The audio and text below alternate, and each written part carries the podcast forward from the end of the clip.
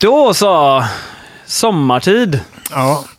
Hej hej. Vårfrudagen passerades. Ja, och vårdagsjämningen innan dess. Jajamän, det är ni. Jag är ju alltid, jag får alltid lite magsår varje vår. Eller det är mycket när man är i Göteborg och eh, i ölbranschen så är våren ganska stressig med SM, öl och whiskymässan. Tidigare jobbat på bryggeri så är det mycket inför det, eller döma, som att döma mm, SM, mm. döma S, SOBFs, eh, eller döma whiskymässan. Eh. Ja, och för mig eh, personligen så är det väl mycket från mars, april, maj kan man säga. Ja, men jobb april, också. maj är det ju fruktansvärt mycket framförallt. Ja, ja. Alltså det är lite, lite både sådana skräck, det är ju härligt, men jag ser fram emot sommaren. För mig är det också, alltså, det är inte ölrelaterat. Alltså, det är mer, ja, det, det, är sån, eh, en sanning för mig bara att man, he, man har aldrig en ledig helg i eh, april, maj typ. Nej, nej. Uppbokad på massa olika grejer hela jävla tiden. Ja. Men med bryggandet så har jag nog jag har tagit en liten paus efter eh, allt bryggande inför SM. Ja, men så blir det för mig också. Nu ska jag brygga ju dock. Jag ska ju ställa ut på SM har jag tänkt nu. Mm, du ska göra det? Ja, jag har faktiskt en ganska rolig idé. Får jag berätta den nu? Eh, ja. Till, ja. Tanken är ju att jag eh, eh, och Janus då, min kompis automagiskt, vi brygger varsin säsong hemma. Han brygger Stockholm och jag brygger Göteborg. Och sen så kopplar vi ihop dem till en kran på plats. Så mm. det blir en helt ny säsong mm. där. Liksom. Ah. Ganska kreativ idé ändå. Va? Tycker jag. Ja. Mm. Jävligt kreativ. Jag ja. trodde att du skulle säga att ni skulle ha ett rävhuvud och en skål oblater. Ja, ja nej, men min är kryddad med oblat som vanligt. Ja, ja, ja. och hans är kryddad med räv. Med, med räv, ja, ja. precis. Ja. Som vanligt. Ja, som vanligt. Jag, när vi kom in på det med Port och Stout-träffen där, så var jag och bryggde vinnaren, när man, den som som att jag vann hela Just det, och på där, så fick jag åka till, eller bryggas i Landvetter då precis, Wet Whistle Brewery där. Mm. Eh, men i sann i sann sån här eh, fantombryggeri-anda så, eh, så var jag inte på plats. Nej. Utan jag lämnade receptet. ja, och, så. Du tryckte på jag är med sen när vi lägger i aromerna. Tänker jag. Okay. Mm. Det är viktigaste ja. i en ja. Mm. Så, oh. nej men den bryggdes i, häromdagen. Ja, ja kul. Mm. Det ska bli spännande att se hur den, eh, den kommer inte smaka likadant tror jag. Som den eh, nej, på... den kommer inte kunna smaka exakt likadant. Nej. Utan vi gör någon efterapning. Kör ni Thomas eh, eller nej, vems idé var det? Nej, det var din idé, Magnus idé, det här med att ha den lilla extra, extra locket med, ja, det. med ja, det kommer ju bli en fat, skummet. fatprodukt där, så man okay. får väl ah, okay. äh, säga till, uh, instruera dem på krogen då att här har ni ett litet fat. men, men, alltså, ja, men alltså seriöst, han kan ju ta vilken öl han har och sen så bara servera den med det här kaffeskummet så smakar det som din öl. Uh. Svart öl ska det ju helst vara. Ja. Mm. Mm. Nej, men det var ju jävligt mycket kaffe den gav ju, det var väl det som var halva grejen ändå. Att det var kaffeskummet. Ja, hela serveringen, ja. kaffeskummet och saltet, eh, flingsaltet på toppen där. Ja, och det var ju ja. såklart. Ja, det är en stor del ska man säga. Det var väl en jättebra grundöl också. Men, eh, Jo, men äh, jag, alltså jag, undrar, jag har satt det hundra gånger under den här vinsten, men du hade ju inte vunnit på grundölet bara. Nej, nej det hade jag absolut nej, inte gjort. Men det var inte det som var grejen? Nej, eller? nej, nej det var inte färdigt. Inte. Nej, det var ju genialiskt gjort liksom. Det, det äh, den var ju inte alls speciellt pastry när, med bara grundölet liksom. Nej. Utan den fick ju, den blev ju färdig komplett först vid servering. Liksom. Mm. Ska vi ta äh, lite öl och börja med? Ja, absolut. Jag är lite sugen här faktiskt. Ja. Eh, jag har fått några olika öl här ifrån Dennis Langevik. Häradsbryggaren. Kallar han sig. Han bor, kommer ifrån eh, bo, byn Härad, Strängnäs kommun. Sörmland. Sörmland, ja. Mm. Mm. Har ni varit där? Jag har ju... Härad. Ja, du kan välja om du varit i Härad, Strängnäs eller i, eller i Sörmland. Eller... Nej, jag har nog aldrig varit i... Jag, eh, Katrineholm har man ju stannat och bytt tåg. Det är väl mm, närmsta jag har varit. Det är, en, det är en ny stad, Katrineholm. Den är liksom uppbyggd, ingen sån där gammal. Jag, eh, hela min mammas släkt är ju från Sörmland. Okay. Eh, så jag är mycket i Sörmland, eller var sommarstuga där. Fast det är i Vingåker då. Är, men är Katrineholm, är Katrineholm Sörmland, eller gjorde ja. jag bort mig? Nej, det är Nej. Sörmland. Okay. Absolut. Det är det. Mm. Men Sörmland är ju stort och det finns ju Sörmland längs kusten till Östersjön och sen så är det ju ett annat Sörmland inne, du vet med där Göran Persson har sin herrgård typ och mm. djur. För mig är det väl lite olika Sörmland. Med sjöar och ja, skitsamma. Mm, mm. Nej, men jag har varit mycket i Sörmland. Ja, nej, inte jag. Vet ni landskapsfågeln? Ja. Landskapsfågeln? Ja, men. Och eh, blomman. Nej. Är det näckros? Ja, näckros är rätt. Yes! Snyggt. Oj då. Eh, Fast fåg... inte fågeln då. Nej. eh, fågeln ser jag någon eh, rovfågel framför mig. Ja, det är rätt. Sveriges fjärde största rovfågel. Fiskljus? Ja. Alltså, man jag, kan sin Sörmland. Jag visste inte att det fanns eh, landskapsfåglar ens. Nej, det är Landskapsdjur. Djur, ja, men det är djuret. Är ju fiskljusen. Jag tror att alla, men, men, alla lands, landskap har ju landskapsinsekt tror jag också. Okay. Landskapssten. Hur gör de också, typ ja, eh, Blekinge som har ekoxe som uh, landskapsdjur? Uh, har de en till? Har de en annan nej, som är landskaps... Nej, det hade varit helt roligt om de hade en annan landskapsinsekt. Ja, eller om de som är landskapsinsekt har ett, har ett däggdjur. Ja, just det. Så en tapir. Halland har väl lax både som fisk och djur? Va? Ja, och då finns det landskapsfisk också? Ja, visst. Jajamän. Självklart. Det börjar bli som äh, det här med våffeldagen och äh, kanelbulledagen, kanelbulledagen och äh, ja. vänsterhäntas dag och sådär. Ja. Men alla Landskapsöl. Vilka landskapsöl skulle man kanske göra en sån lista? Ja, det... Alltså, ska det vara ölstil då eller ska det vara... Ja, det är frågan. Det måste det nästan, blir... Man måste nästan göra med ölstil. Ja. Det går inte att... Eh, ja, men viss... Ja. Det blir mång, det Undrar vilket Gotlands blir. Ja, men mm. jag... Ja. Nej, men det är ju... Det borde man kunna göra. Ja. ja. Göteborg, vi tar väl Porto. Men det är ju inget landskap Göteborg. Eller Nej, inte okay. än i alla fall. Nej, okay. Eller det kanske är på gång, jag vet inte. Ändå... Du kanske har insikt i... Eh, en process här. ja. Ja, nej men eh, tillbaks ja, till ja, ja, eh, Dennis här. Dennis. Mm. Eh, han brygger ibland med några vänner så kallar de sig Rich Road Brewers. För de bor på Åsvägen. Bryggt sedan sommaren 2020. Han är en sån där eh, eh, pandemibryggare alltså. Mm. Mm eh, brygger med Biab. Mm. Det var två, vi knäcker båda va? Jag, jag är sugen på pilsnen. Ja, jag är sugen på dubbel-IPA. Ja. ja, då har vi inget annat val. Ta båda. Yes. Och vi har faktiskt en tredje också, men den tar vi lite senare. På grund av anledning, eller? Ja. Mm. Vi kanske kan börja med pilsen då. Ändå matchat färg på kapsylen med etiketten. Det är ju ändå level. Hög level. Ja, då ska man någonstans liksom. Ja. Mm. Då har vi en eh, pilsner här då. Ljus, gul, blank och fin tycker jag. Jag hade tänkt fota men alla glas är så uh, jäkla det, smutsiga de, de här... så vi kommer bara få memes från, uh, double, double den, här, den här glastypen är sjukt svår att diska. De går inte att diska för hand. De med smal fot och... Ja. Ja. Borsten går inte ner i botten liksom. Örtigt blommigt, sädigt, lätt i doften på något sätt. Det är pilsner vi pratar om nu va? Ja. Mm. Och ganska maltigt den också tycker jag. I smaken kommer det en uh, tydlig maltighet ja. Mm. Verkligen. Den, uh, ja men det var gott. Nej, det var inte helt dumt. Nej, också. Och ganska bra beska också. Ja, det tycker man. Som ihållande liksom. Han har 90 procent eh, pilsnermalt, 10 procent Caraclair. Chateau Caraclair, 5,5 EBC. Så det är väl typ dextrinmalt då eller okay. något sånt. Mm. Eh, ja, det var det han hade i. Mm. Eh, Magnum SAS 3470 gästen.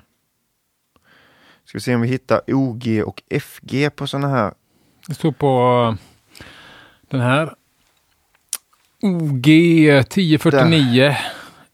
Där. FG 1008. Så ganska mm. okay. bra förjäsningsgrad får jag säga. Jag hade gissat på högre. Jag hade också trott att den hade stannat lite högre. FG, ja. Mm. Typ 12. Mm. Det är för en väldigt fyllig maltsmak. Ja. ja. Mm. Men bra jobbat ju. Ja, mm. absolut. Dubbellipan då? Luktar ju gammeldags. Det står också en West, Double West Coast IPA. Ja, ganska ah, klar. Blank. Klar. Jag tycker den luktar Blank. gammeldags men ändå fräscht. Både och. Den luktar ju inte gammel. Nej, nej. nej den luktar gammel. Jag menar, ja, men när jag säger gammeldags så menar jag ändå lite halvt oxiderad Amarillo. Liksom. Mm. Där hade jag kanske kunnat ta, ta lite mer bäska. Bäskan, ja. Mm. Den är inte stenhög, är den inte. Men, Vad står det om denna då? Ja, vi ska kolla. Eh, Bygdegården DIPA 8,1 procent. OG 1073, FG 1013. Pale Ale Malt 75 procent. Eh, Pilsnermalt 9. Eh, socker 5, ljust socker 5 procent. Caramunic 1 5 procent. Och sen den här Chateau Caraclair 5 procent. Där, där kommer en sån där grej som jag alltid undrar varför folk använder både socker och dextrinmalt. Liksom. Ja, jag håller med. Det jag, jag undrar de... också lite moment 22 ja. eller de tar ju ut varandra på något sätt. Des... Kanske det kan det inte vara det som är... Ja, dextrinmalt sa du ja. Mm. Just det. Det är direkt med Caramunic 1 där kanske. Ja. Mm. Om de vill ha lite... Sen kunde jag absolut ha några procent socker i. Ja, det tycker jag ju verkligen. Eh, och, eh, humlad med Warrior som bitterhumle 28 IBU och Chinook också. Eh, 18 IBU. De är lagt i vid 90 minuter. Sen så har han lagt i vid 45 minuter 20 gram Columbus. 30 minuter 20 gram Simco och vid 0 minuter 75 gram fördelat på 50 Centennial och 25 Simco. Och volymen är efter kok 16,67 liter. Och sen är det torrhumlat också med Columbus 70 gram, Centennial 40 och Simco 40. Ja. Inte så mycket att säga om eh, receptet liksom. Eh, utan bara med kanske lite, i så fall mer skada, oxidationsskada, lite, lite, lite. Men det här är alltså kanske, var, jag vet inte hur gammal den är, men, men eh, helt klart bra. 12 februari 2023. Han är kolsyrejäser med socker. Mm. Uh, Säger han det? Även pilsner? Ja. Okej. Okay. Jäser i plasttunna utan temperaturkontroll. Och kolsyrejäser all min öl på flaska. Ja. Då är jag ju ännu mer imponerad. Ja, det får man säga. Mm. Framförallt på pilsnern Men den är också... Mm. Ja, men jag dricker gladeligen båda två. Absolut. Jag hade nästan kunnat ta lite mer beska i båda faktiskt. Nu drack jag pilsnern igen här. Och ja, där är ju en beska i det, men just att maltigheten är så himla tydlig i pilsnern. Mm. Vad var det jag tänkte på? Har ni... Eh, ni har bil va? Ja. Har ni, kvar, har, ni, har ni kvar era katalysatorer eller vad säga? Ja. Jag tror det, jag har inte kollat ja. efter. Nej. Det mär, man märker om de försvinner kan jag säga. Ja, ja. Nej, men eh, hur gick det för dig? Var... Nej, den är, min bil är inne på verkstaden nu. Okay. De ska sätta in en ny katalysator. Mm. Den stod på en pendelparkering mellan sju på morgonen till fyra på eftermiddagen och mm. under tiden så har någon kört in en domkraft. Höjt bilen, eh, sågat av katalysatorn och dratt iväg. Mm. Imponerande ändå. Ja, det är det ändå. Känns som ett beställningsjobb. Ja, det var det. Mm. Hit. En hitman var det. Ja, ja. Ja, ja. fy fan vad tråkigt. Var det på din nya bil eller din skräpbil? Nej, det var på andra bilen. Okay. Var det. Så mm. det var inte... Jag vet inte ens om det Jag tror inte det är så lätt att ta det på en ny bil. Nej. Okay. Man brukar ju... Alltså nu har jag gjort lite research då för... Eh, jag du visste, inte, jag visste inte att det här var en grej. Ja. Att folk snodde okay. katalysatorer. det händer. Det händer. Mm. Ja, de hade ju tydligen fått in typ 6000 anmälningar under 2022 på det. Och det vanligaste är, alltså det finns ju då bilmärken som är vanligare eller som är enklare att ta den av. Typ Toyota Prius verkar vara den vanligaste. Okej. Okay. Mm. Var det sån du hade? Nej, nej, nej, det här är en Skoda. Okay. Körn Audi som det kallas. du kör väl också Körn Audi? Jag kör Körn Audi. Ja. Jag kör, blåser förbi Körn. Men äh, ja. jävlar vad fort det går. Men jag har katalysatorn kvar har jag. Mm, det var gött för dig. Mm, jag har satt en sån här GPS-tagg på den. Så därför hörde jag detta. Nej, men eh, jag, men jag har inte tänkt på det där. Nej. nej, det är väl kanske ingenting man går och oroar sig för. Nej, nej. Men var det ett beställningsjobb från... Eh, någon, an, någon annan podd? Någon orustare? Någon, eh, någon annan. Eller, ja, eller ölpölen? nej, men jag tänkte mer eh, han bilmekanikern som specialiserar mm. på att sätta in nya katalas, mm. katalas, katalysatorer. Katalysatorer. Ja. Nej, jag vet inte. Nej, nej, men så allt sånt är ju röv. Det är faktiskt röv. För ja. att, inte liksom för pengar, men att man har, har tid och engagera sig sen, du vet, ja. byta eller ner på verkstad och ringa försäkringsbolag och sån skit. Polisanmäla. Ja. Det blir jag mest förbannad på. Ja, samma här. Ja. Samma här. Jag får betala en självrisk då och visst, det, det, får man väl leva med. Men fan vad det är tråkigt att fylla i. Jag har ju fått massa parkeringsskador också. Alltså okay. tre gånger. Jag, det här är min fjärde polisanmälan jag gör på två år tror jag. Och det är bara att ta så jävla onödigt mycket tid. Så tråkigt. Och den här försäkringsbolaget, jag är helt säker på att de försökte blåsa mig först. Ja. För att när jag fick svaret så var det så här, ja du ska betala 4000 kronor i självrisk. Ja. Um, och sen så, så, tyckte jag det var rätt mycket. Jag trodde att det var 1500 i självrisk. Ja. Och så kollade jag så här, ja, det är 1500 i självrisk när det är stöld. Men så är det så här, vagnskadesjälvrisken var på 4000 spänn. Och då menar de att, eller då, jag tolkade det då, när jag läste det här svaret som att, aha, de menar att det här är vandalisering av bilen. Att det räknas som det. Okay. Så jag svarade att ja, det här måste väl ändå räknas som stöld och då svarade, svarade de ah, de hade en sån mesig röst när de svarade i mejlet. Ah, då, då visste du att det var något på spåret. De svarade oj, vi har skrivit fel. Det ska vara, givetvis vara 1500. Ja, jag tror bara att de, jag tror fan att de försökte blåsa ja. mig. Ja. Kan ja, men, eh, hörde ni om den där idiothembryggaren då som förstörde sitt köksgolv? Ja. Det är ja. jävla pucko alltså. Ja. Jävla. Det är också samma sak. Åh, vad jobbigt med Ja, det är ännu jobbigare. Där, där, jag vet inte, där får man ändå skylla sig själv till 100 procent. Ja, ja, nej. Ja, Men jag hörde att det gick bra, att det ligger ett nytt golv nu. Ja, okay. ja. Vad var självrisken på då? Uh, tre lök. Ja. Det är som två katalysatorer. Mm. det är det. I självrisk. I självrisk, ja. Mm. Det beror på. Ja. Uh, ja. Är ni uh, redo för lite ölsnack eller? Ja. Jajamän. Ska vi snacka om något speciellt eller är det bara i allmänhet ölsnack? Vi ska snacka om en riktig höjdare idag.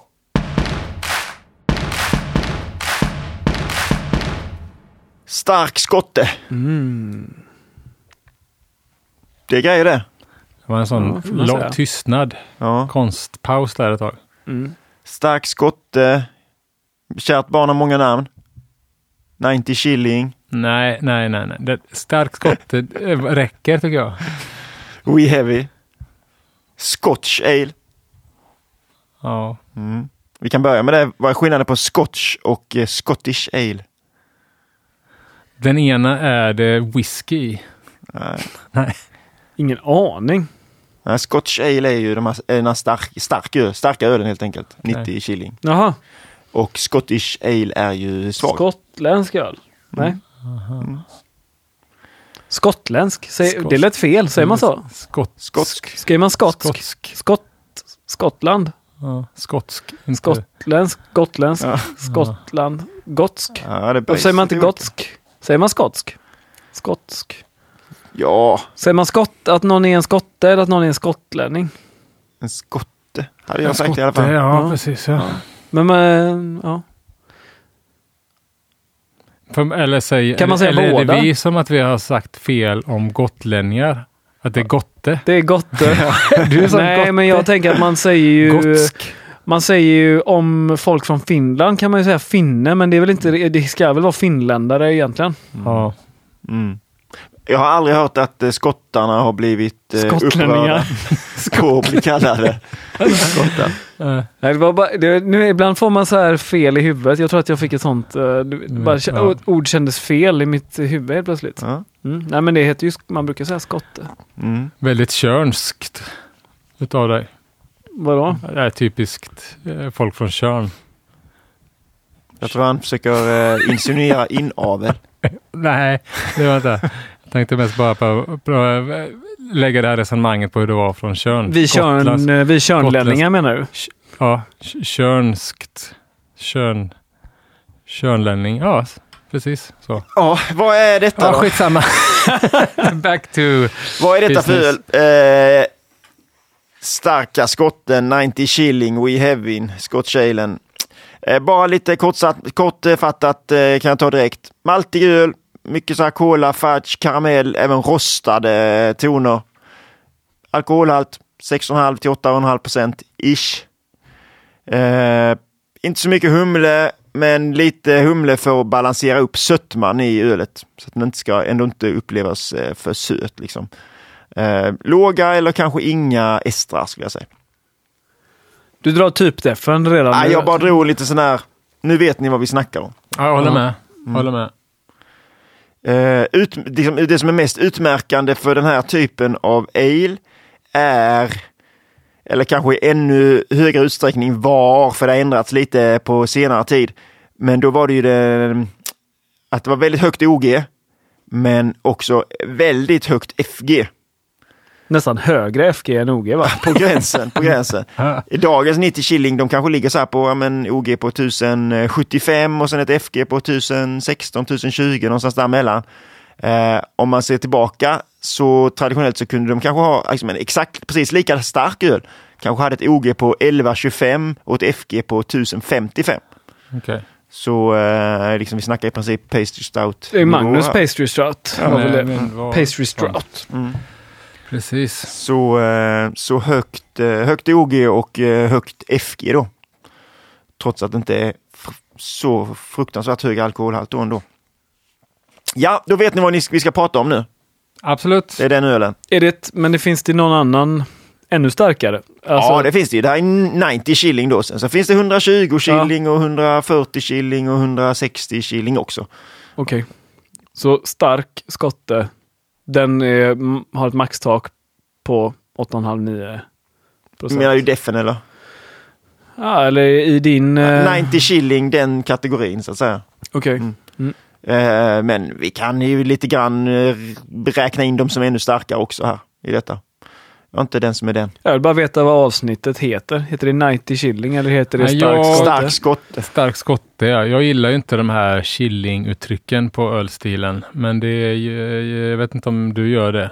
Eller inte. Nej, jag eh, hade inte tänkt prata något om chilling här. Det skulle vi prata om det, det är väl snarare i det svaga. Men eh, det är ju inte chilling. Ja, Ja. nej, nej, Alltså nej, fram, till första, fram till andra världskriget kan man säga så var ju chilling bara ett sätt att beskatta ölen. Liksom. Ja, precis. Så det fanns ju på alla ölstilar i, i England, i den regionen. Liksom. Det, det var ju inte förknippat med en viss ölstil. Nej, ut- ingenting med eh, ölstil göra. Och det, och och det, därför motsätter jag mig. Ja. eh, Men det har det ju blivit där senare däremot. Man kan säga efter andra världskriget och framåt så har det ju varit mer uppdelat eh, som ett ölsti ölstilar, liksom. Chillingsystemet. ja, ja.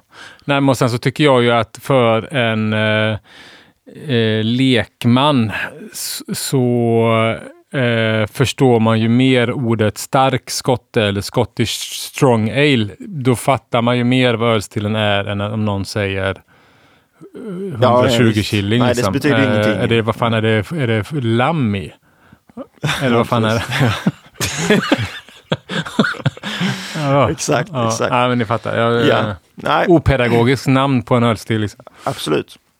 Eh, We Heavy.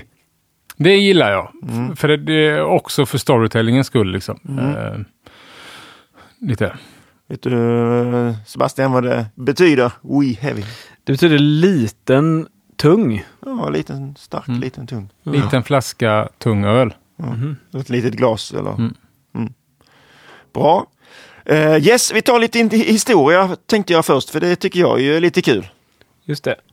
Eh, intresset för eh, sån här stark skotsk ale har gått lite grann i vågor.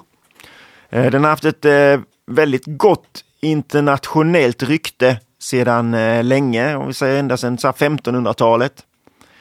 Lite kuriosa, så eh, i Frankrike, där redan på 1100-talet så eh, drack de mycket skotsk stark öl. Eh, det var på grund av The Old Alliance en allians mellan eh, frankerna och skottarna då mot de här eh, eh engel, expand, liksom expanderande engelska kungarna. Så, så hade de en, eh, en liten allians där för att stå emot dem och då blev det att de eh, drack mycket sån ale i eh, Frankrike. Eh, generellt kan man också säga något som ganska mycket har eh, liksom återkommer ganska mycket och som man ser eh, ganska tydliga tecken på i skotsk öl, som format eh, skotsk bryggning också i rätt stor utsträckning, är det att de inte gillar England. Det, eh, alltså det, det vill säga att de har varit självförsörjande på råvaror och, eller haft sin egen eh, Ja, vi kan återkomma till det, men eh, det finns väldigt många skillnader mellan eh, engelsk öl och skotsk öl. Till exempel ett tecken är ju att 1625 så förbjöd det skotska parlamentet importen av utländsk öl. Och det var ju i princip engelsk öl. Eh, det efterlevdes inte så bra och då så satte man istället en stor importtull på det. 6 pund per tunna skulle det kosta. Bestämde man att för att få sälja sån här utländsk öl. Eh, hur mycket det är idag har jag ingen aning om faktiskt. Men eh, vi kan anta att det var jävligt dyrt. För det fick effekt i alla fall. Det var väl lite så här lillebrorskomplex eller eh, mot sådär för man ser egentligen inte någon motsvarande hat eller om man säger så ifrån Englands sida mot skottarna. För de eh, i, Skott, i, England så var det ju väldigt högt anseende för, för stark skotsk öl tidigt 1700-tal, typ 1707 eller något sånt, så eh, gick de väl samman i en union, Skottland och England. Och det var ju verkligen bingo för skottarna. För nu kunde de ju börja exportera öl till eh, England. De har alltid varit väldigt eh, mycket inne på att exportera öl, skottarna. Och nu kunde de ju helt plötsligt exportera till London då framförallt, som var en, liksom en miljonstad Eh, det var ju mer folk än som bodde i hela Skottland. Liksom. Mm. Så eh, det, eh, det gillar de ju naturligtvis. Eh, och det var den här starka skotska alen som var populär, den svagare, mer vardagsdrickan. Stod nog, den stod inte så högt i kurs. Eh, kan säkert eh, hängt ihop en del med att eh, man eh, inte använde humle i Skottland. Alltså, I ännu mindre utsträckning liksom än i, äh, än i eh, England. Äh, så äh, det var lite för kallt för att odla humle och så att det blev i stor utsträckning en importprodukt och då blev det ju dyrt och då, alla vet ju hur snåla skottar är, eller hur? Jajamän. Så då så undvek de ju det i stor utsträckning och då höll väl inte den ölen helt enkelt sådär kanonbra. Så den svaga skotska ölen var inte så inte så populär. Och man drack inte så mycket öl i Skottland heller faktiskt.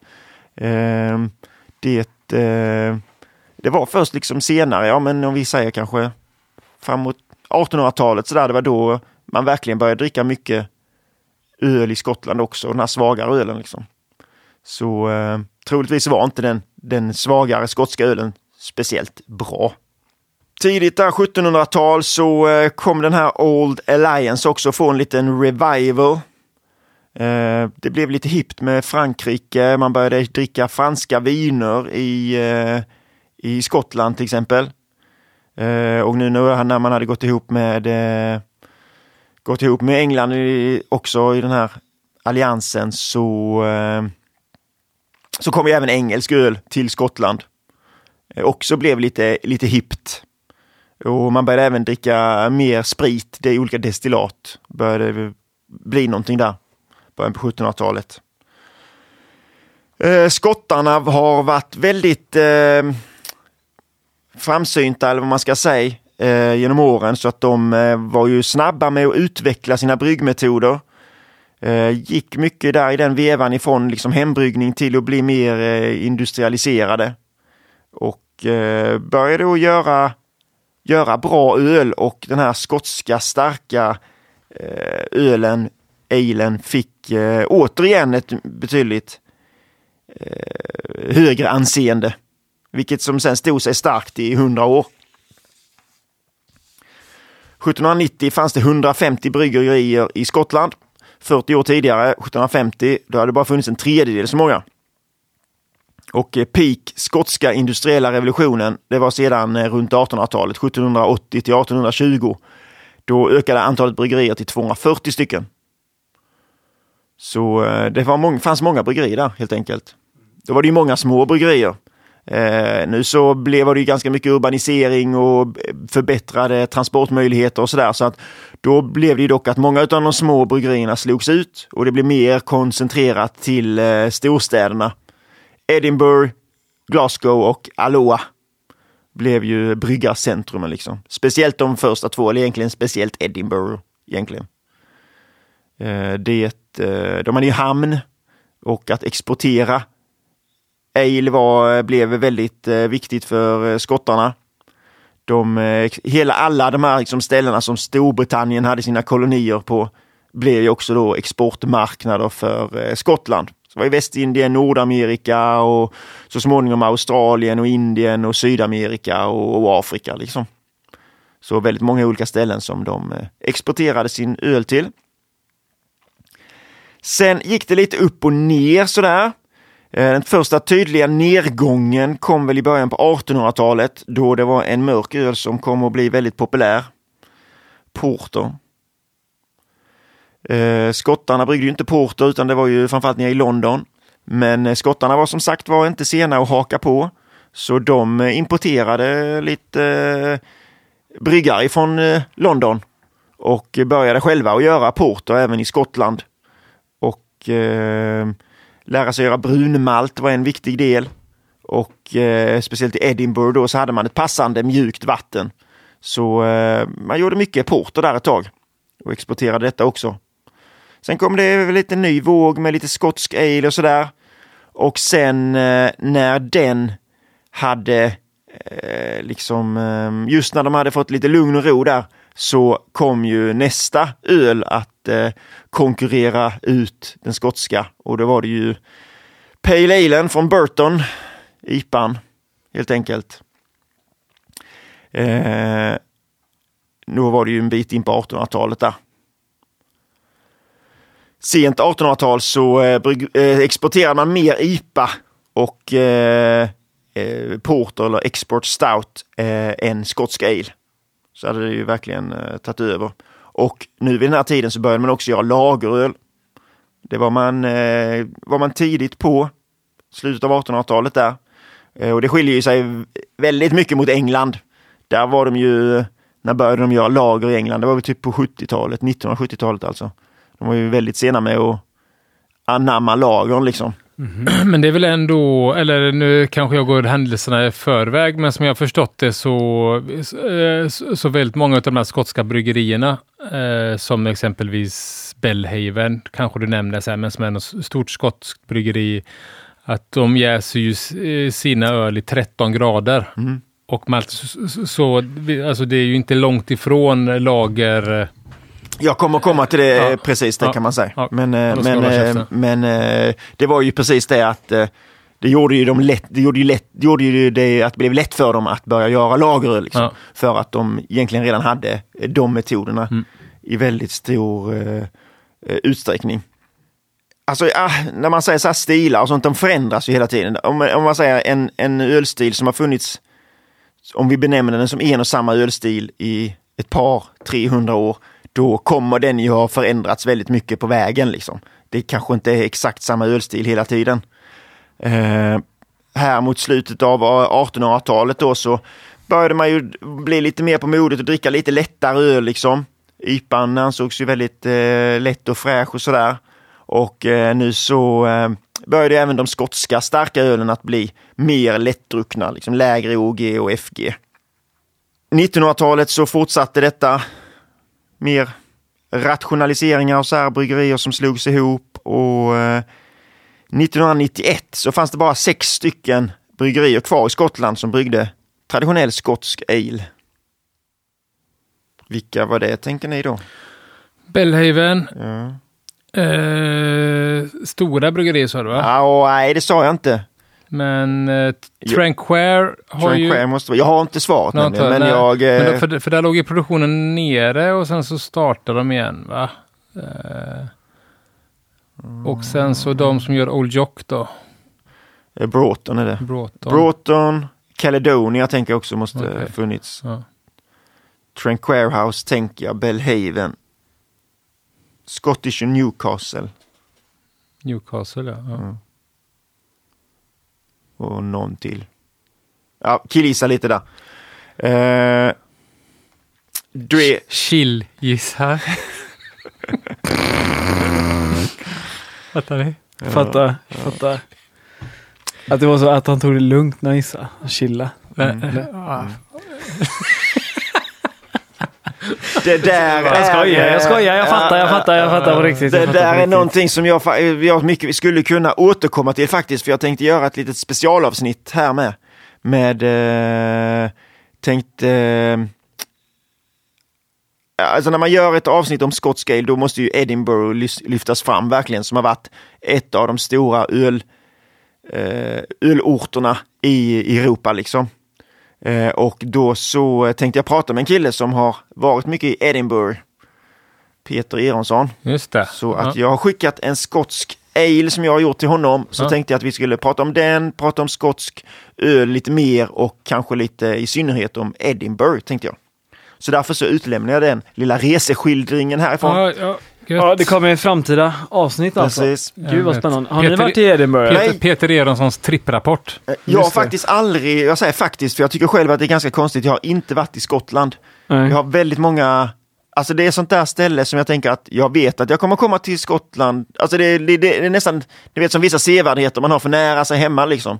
Att man går inte dit och det blir, men Skottland är en sån där att, just det, jag gillar ju ölen, gillar ju verkligen den ölen. Där finns eh, mycket med orientering liksom. Jag, gäng kompisar som, ja de bor nog inte i Skottland längre visserligen, men eh, liksom jag har, det finns många anledningar för mig att åka till Skottland, men jag har aldrig gjort det. Kolla på fåglar. Fåglar, definitivt. Valar kanske. Ja. Ja, nej, jag, jag har aldrig, aldrig varit i Skottland, men Peter har ju som sagt tjatat. Antagligen på dig, men på mig också om att vi borde åka till eh, Edinburgh och eh, dricka öl någon gång. Eh, Irland har varit det närmast. ja. Jo, jo, men jag har varit där. Tacka som fråga. Oj! Ja, Oj, oj, oj. Absolut, tack för Hur var det då? Berätta. Jo, men det var jättebra. Ja, var någonstans var det? Edinburgh. Ja, det var det. Oj, oj, oj. Ja, men då kanske du ska vara med på den. eh. Jag kanske kan vara med i det poddavsnittet Ja. när, vi, Ja. när vi pratar om det. Ja, ja, kanske. Ja, ja. Vad fan gjorde du där då? ja men ehm, vi hade eh, typ fyra, fem eh, klasskompisar som gjorde en sån utbytestermin där. Okej, När jag pluggade Chalmers. Ja. Så vi var och hälsade på dem. okej. Så det var där 2012 kanske. Blir det någon uh, bärs eller? Ja. Mm. Jag kommer inte ihåg. Nej, du fattar inte vad du Vilken? riktigt. Drack riktigt. Ja, nej, kanske inte. Eh, Fast jag var ändå intresserad av Mm. God öl. Så att, eh, Belleven Best måste man väl ha druckit då? Det är väl Skottlands mest sålda öl? eh, det lär det ju ha varit, ja. Det låter bekant. Men det var väl mer 2012. Ja, det var väl mer typ så här. Ja, vi gick till Brewdogs Ja, just det. bar som låg där. Och så här, det var ju frakt. Ja. Kollade på ett slott, gick upp på en kulle. Lite sådana grejer gjorde vi. Ja, ja. Mm. Så om vi åker dit tillsammans kan jag visa den kullen. Ja. Ja, bra kulle. Det låter något det. Ja. Mm. Mm. Behöver inte ringa Peter. Nej, det känner Nej. jag ju nu Ja. att det är helt meningslöst. Ja. Eh, jag var inne på innan att, eh, att man kan liksom inte dra all brittisk öl över en kam. Man säger.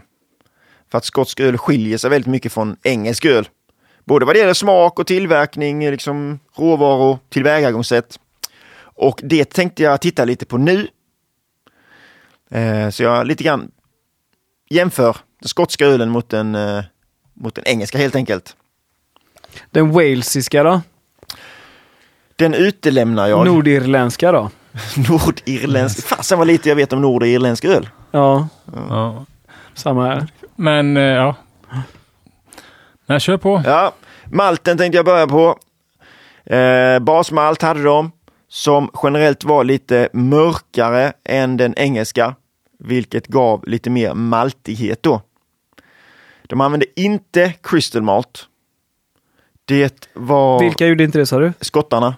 Okej. För det var ju eh, just ett engelskt hittepå. Ja. Så eh, det ville de inte besudla sig med. Utan basmalt utav en lite mörkare sort och sen använde de ju rostat korn. Det var ju däremot en viktig, eh, en viktig grej. Några procent, 2-3 procent rostat korn. Eh, för den ska vara mörk, skotsk öl.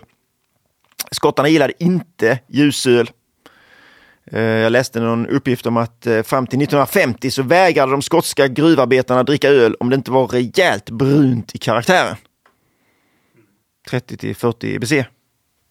Sa de. Ja. Sa de. Exakt. Minst. Rostat korn var ju då nyckeln till detta och rostat korn menar man också gav ett speciellt bett som var karaktäristiskt för stilen. Men fan, rostat korn är väl ändå inte en skotsk uppfinning? Det är han Wheeler var, var väl ändå en brittisk... Det kunde de se mellan fingrarna. Det kunde de, ja. ja. För den skulle vara brun. Ja, 30 till 40 EBC. okej. Ja, ja. Eh, Hycklare. ja. 1820 så kom en malt som ni känner igen namnet på. Eh, Chevalier. Ja, det är en kornsort va? Ja, jo precis, en kornsort. Ja. Eh, men den använder man i väldigt stor utsträckning. Okej. Eh, vi använde ju den I ett malt... testet Ja, där. Precis, och då ja. var den ju, den var ju nästan upp mot Münchnermalt hållet. Ja, Eh, Absolut. den vi kunde få tag på nu. Väldigt liksom. kakig. Ja. Ehm, för annars hade skottarna importerat väldigt mycket malt också. Eh, när båtarna gick ut med eh, öl så kom de ofta tillbaka eh, fullproppade med eh, korn då. För att mältas. Som mältades på bryggerierna sen. Olika former av råfrukt har också i olika omgångar varit eh, populärt. Vad betyder det när man säger råfrukt? Bara för dem. Allt utom malt kan man säga. Fladdermusspillning till exempel. som ger socker då. Ja, ja. Mm. Okej. Så det kan ju vara socker i olika former. Majs, ris. Ja. Det kan man säga. Allt utom, alltså allt som inte är sädeslag. Eller? Ja, är majs ett sädesslag? Jag tänker de fyra sädeslagen man brukar Ja. prata om. Då. Ni fattar. Ni fattar. Mm. Eh, början på 1900-talet där, första världskrig, bla bla bla, mycket maltbrist och sådär. Så då blev det att man använde mycket majs och även mycket socker. Kunde bestå av 35-40 procent utav eh, malt. Hade man mycket Notan. majs där alltså? Ja. Är det något man odlar i Skottland? Enormt mycket. Nej, men man importerade väl den. Om man, när man exporterade öl så importerade man väl tillbaka majs. Det var lättare att få tag i majs än korn då Ja. under... Jaha. Spännande. Uppenbarligen. Ja, ja. Uppenbarligen. Mm, Eh, man torkade, man kan utgå ifrån att man i stor utsträckning torkade många gånger malten med torv. Trots detta så finns det väldigt få uppgifter om att eh, ölen skulle ha varit eh, rökig. Mm. En öl nämns som en öl som faktiskt hade rökt smak. I övrigt verkar det inte som att eh, någon annan öl var eh, rökig. Varför är det sån hänga på det då? I, av i liksom generationer av eh, hembryggare liksom. Som, Ja. Ja, ja, det är väl för att man, det man tänker på sk- liksom, skotsk whisky. Ja. Ja, Brukar man säga. precis. Men, jag tycker äh, men- överhuvudtaget att om vi ska kolla på den sen, jag vet knappt om vi ska göra det på stiltypsdeffen för det är rätt mycket rappakalja i den. Ja. faktiskt. Just av den anledningen kan det ju vara kul kanske. Ja, det är sant. Fel, fel, fel, fel, fel, fel, fel. Eh, Men då är det ju bara att göra en ny då, Simon. Ifall du är så missnöjd. Det är en förening. Det har ju börjat du med det nu. Det har ju börjat dig. med det nu. ja, just Pastry Scottish. Ja. Ja. ja. Eh, Sant. vatten, så eh, till skotsk ale skulle man ha mjukt vatten. Men eh, ja, alltså det var mjukt vatten kan man säga. Sen varierade det där. Sen när de gjorde IPA till exempel så var det ju de som plötsligt de som hade en källa med hårt vatten. Då var det de som var kingar och eh, kunde casha hem liksom. För att det var, det var ett nödvändigt för att göra den IPAn då, tyckte man. Eh, framförallt Edinburgh har en lite spännande geologi så att de kunde ha liksom två brunnar bredvid varandra. Mjukt vatten i den ena, hårt vatten i den andra. Bara beroende på hur djupt, eh, hur djup brunnen gick då. Mhm. Så eh, det var inte alls ovanligt att bryggerier hade två brunnar med två olika vatten då beroende på vad de skulle eh, göra för öl. Det är lite coolt. Coolt ja. Humle då? Det, man tokhumlade ju inte sina öl direkt. Eh, lite beska är viktigt för att balansera upp den. När det var sådana här höga FG så behövdes det lite beska för att balansera upp så det inte blev för sött. Eh, men någon humlekaraktär, eh, det behövs inte egentligen. Det hade man inte. Uh, humle blev, fick som ännu senare acceptans i, i Skottland än det fick i England. Uh, just att det var lite kallt för att odla det. Eh, så det blev en dyr importprodukt och dessutom så även här, det var ju mycket engl, engelsk humle som man importerade då och det, det engelska ville man ju i stor utsträckning hålla sig borta ifrån då. Trots att man tjänade mycket på att sälja sin öl dit. Däremot så var ju beskan, som jag sa då med det höga FG, att eh, även om man inte använde humle så var ju beska viktigt. Och då var det ju andra, andra örter och växter som man hade. Eh, gryt. Eh, olika grytblandningar liksom. Mm. Pors, ginst, maskros, dårrepe. Mm. Det, kan känna smaken i munnen. Vad heter den på latin, Magnus? Ja. Eh, Dorus repus. det är så latin funkar ju.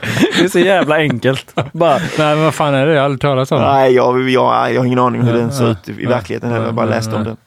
Eh, men den hade en bra effekt för den ökade berusningsgraden. Okay. Man kan tänka sig att den inte var helt nyttig. Nej, nej. Ingefära, enbär, lakrits, granskott, malört, många fler. Och den kanske eller den som var mest kända som man använde som bitterämne så var det en eh, bark från ett sydamerikanskt träd som heter kvassia. Mm -hmm. gav väldigt bra beska. Lättare att få tag, från, få tag på bark från en sydamerikansk träd än humle? Eller var det coolare? Nej, det var väl snarare att man använde det tidigare. Men, mm. och, och, att, man, man absolut inte ville köpa humle från England. Ja. Innan Hildegard från Bark. Det låter ju billigare med bark ja. än med... Men det är ändå samtidigt, alltså, det är så mycket de hatar England. Ja. Vi, vi åker hellre till Sydamerika och gör öl på bark än att använda er jävla humle. Precis. det? det finns en historia om det faktiskt, att eh, det var ett bryggeri som hette Andrew Smith. 1834 så rapporterade de att de eh, hade en 140 shillings ale som blev returnerad till bryggeriet med motiveringen att humlen i den var för aromatisk och fräsch. Klassiskt ja. Mm. Så det, det, vill man ju passa sig för liksom. Eh, gästen blir det väl det sista sen då, va? malt, vatten, humle, jäst tror vi. Ja. Eh, det ska ju ha, eh, det ska vara en ren maltighet på ölet, så det ska inte vara liksom överdrivet med liksom fruktighet, estrar. Eh, gästen ska tåla en låg jästemperatur. Eh, en lågutjäsande gäst för att få det här höga FG. Eh, och man använde en gäst som flockulerade väldigt snabbt och dessutom var väldigt känsligt för temperaturförändringar. Så eh, man stoppade, man jobbade väldigt mycket, mycket att stoppa, alltså även om man hade en lågutjäsande gäst så stoppade man jäsningen och, och, och kallkraschade helt mm. enkelt rejält. Mm. För att sen kunna eh, tappa av den ifrån gästen. Mm. För, att, eh, för att behålla den här höga FG. Så det var någonting man ville ha verkligen. Det är ganska, jag har inte bryggt skotsk öl någonting, men det, jag fattar det som att den gästen är ganska unik. Eller det, går, det, är inte, det är inte helt lätt att byta ut den. Jo. Är det det? Nej, alltså jag har ju bryggt mycket skotska. US 05? Ja, ah, okay. är ju det enkla kortet. Sen finns det Men jag tänker det här just med, jag tänker just det här med att den ska ha ganska låg utjäsning och så. Ja, det, det kan man ju andra men tricks. Men då får man, man ändra tricks, ja, precis. Ja. Okej okay, då. Uh, Ja. ja. Låga utjäsningen leder ju då naturligtvis till lite estrar också. Alltså en eh. låg nivå av estrar eller? Ja, en låg nivå av estrar. Ja. Det, kunde också varit, det leder ju också till lite estrar. Ja, ja, men man vill inte ha en massa Nej. estrar. Nej. Om man jämför med engelsk öl där vi, du har mycket, karaktären sitter i estrarna. Ja, visst. Mm. Uh, och hög alkoholtolerans är också en, kan ju vara en viktig grej också. Det var mm. väl det ungefär på gästen. Vill ni veta hur man brygger det? Ja. Eller hur man bryggde det först och främst? Ja, mest intresserad av hur man brygger det. det kanske, man kanske kan följa detta för att brygga det ja. idag, tänker jag. Ja. ja. ja. Eh, mäskade två, tre timmar. Ja, ja. Det var en, en standard. Eh, man hade kanske inte jätte, alltid jättebra kontroll på temperaturen och sådär, men uh, inte, inte under, under 70 grader i alla fall. Inte så, under 70 grader? Jo, under 70 under grader 70 i alla fall. Ja, mm. Jag tänkte säga inte över 70 grader i alla fall. Nej, okay. Men jag ändrade mig halvvägs. Men förhållandevis högt då? Alltså om man vill få låg utjäsning så kanske man ska lägga ja, sig på strax absolut. under 70 idag, i så fall. Absolut, ja. ja. Uh, det, det, ja. Man flödeslakade till skillnad från britterna som, uh, som liksom batchlakade. Ja. Uh, det gjorde att man fick en klarare vört, mindre polyfenoler och fettsyror, vilket då kan borga för ett bättre skum. Engelsmännen är inte speciellt brydda med att få ett bra skum. De fyller ju hela glaset upp. Bosspor. precis. Mm. men skottarna ville ju hellre ha lite, de tyckte det kunde vara fint med lite skum ändå. Eh, lakade med väldigt varmt vatten gjorde de. Det kunde vara så 90 grader varmt. Så att de lakade ut massa olika kärva ämnen ur skalet. Detta fick man då liksom motverka genom att lagra ölet länge. Och så liksom lagrade man bort den här kärvheten. Koket Tyckte det var någon som andades. Nej, det var jag. Jag tänkte, jag tänkte bara på hur man lagrar bort det. Men det måste egentligen bara vara att de här polyfenolerna hamnar i botten på flaskan eller fatet. De kan ju inte försvinna, brytas ner. Nej, Utan antagligen så är det så att de sedimenterar till botten, så häller man upp ölet och då har man kvar de här astringenta ämnena i botten på flaskan antagligen. Ja. Är ni med mig? Ja, ja det, så jag skulle jag, jag så uppfattar jag det. Ja. Mm. Eh, skotsk öl kokas då Eh, enligt vissa väldigt länge. Mm. finns inga sådana uppgifter om att eh, det är snarare tvärtom att det troligtvis inte kokade speciellt länge. finns perioder när man bara kokade, det var standard att koka 45 minuter. Mm. Oftast var det nog dock 60 till 90 minuter kan man nog säga var standard. Till mm. skillnad då mot engelsmännen som med sina barley wine kokade väldigt länge liksom och old ale och så här. Så eh, inte några speciellt långa kok. Varför finns den eh, uppfattningen då? Om det är den här karamelligheten liksom man tänker. Mm. Eh, Vart kommer karamelligheten? Ifrån? Den kommer ifrån att du har en, eh, ett högt FG framförallt. Alltså en, okay. en ganska maltig bas mm. med ett högt FG. Ja. Och all majs. Just det. Nej, men, men jag kanske sparar in på den här långa mäsktiden. Nej, fan, jag mäskat till tre timmar. Jag orkar inte koka tre timmar heller. Ja, just det. Ja, vi kör. Ja. Mm. Okej, okay, ja. Så inget långt kok, så håller jag borta från. Okej. Okay. Eh, yes sir. Och jäsningen sen då. Eh, det är väl här som det kanske skiljer sig allra mest mot den engelska ölen ändå. Eh, för att den är så väldigt lik lagerjäsning. Eh, temperatur, man bör, kunde ofta börja kanske på 10 grader och sen låta den stiga sakta. Ja. Men en standard liksom mellan 12 och 16 grader, absolut. Mm. Men så väldigt eh, låg temperatur och sen så eh, lagrades den också länge minst ett halvår. Så eh, ja, väldigt likt lagerjäsning helt enkelt. Mm. Jag läste ett uttalande också om en eh, bryggare på Scottish och Newcastle som han poängterade att, eh, att syresättningen utav örten skulle hållas eh, minimal. Låg syresättning och låg temperatur som ett sätt att kontrollera esternivåerna. Och därför skulle man ha väldigt, väldigt mycket gäst. Mm. Håller man nere det här är, jag har också lärt mig, jag tänkte jag skulle prata om det också vid tillfälle. Men, men eh, jag hade en sån diskussion med äh, äh, återigen äh, Tobias, som också brygger sig son, att Janius. Janius, mm. ja. Att det som påverkar esterbildningen mest är syresättning. Låg syresättning mycket, mycket mer estrar än, eh, till exempel viktigare än underpitch och viktigare än hög jästtemperatur.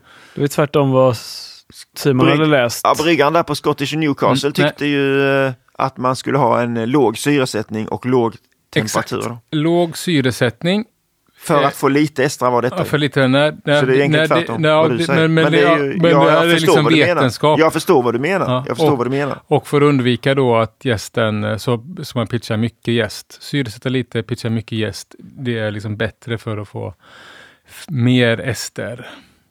Mycket gäst skulle ge mer ester? Eh, nej, nej. nej utan, men, nej, men, men eh, för att inte få komplikationer okay. på grund av den dåliga mm. syresättningen så ska du tillsätta mycket jäst. Ja. Eh, men att syresättning är, var den viktigaste faktorn för esterproduktion var för mig nytt. Att det är viktigare Eh, en pitch rate. Ja, och jästemperatur. Mm. Så det är det viktigare. Alltså du får ju det ändå, men det är väl det som påverkar mer. Det som påverkar esterbildning mest Mm. eh, är, eh, är syresättning. Det påverkar esterbildning mer än eh, pitch rate och mer än faktorn eh, jästemperatur. Det, Så att om man vill, få, om man vill främja esterproduktionen så är det bra att ha hög temperatur, mycket jäst, inte syresätta. eh, egentligen då lite jäst. Alltså positivt Ja, för... Positivt mycket jäst för, är för att man ska safea då för att man inte syresätter. Yes, Mm. exakt. Jäst. Tillägg till det här, då skulle man väl kunna säga att eh, det gäller framförallt vid eh, flytande jäst. Torrjäst. Just det. Som är fullmatade med steroler. Liksom. Steroler, ja. Då, Ja, behöver ja. inte, då blir det inte samma effekt riktigt Nej, om nej, du inte nej. syresätter. Nej. Jag fick ett utklipp av honom. Jag kan ju posta det i våran Patreon-grupp Mhm. från skolboken. Hans. Eh, Ja, nej, men jag tycker väl det ligger någonting i det, absolut.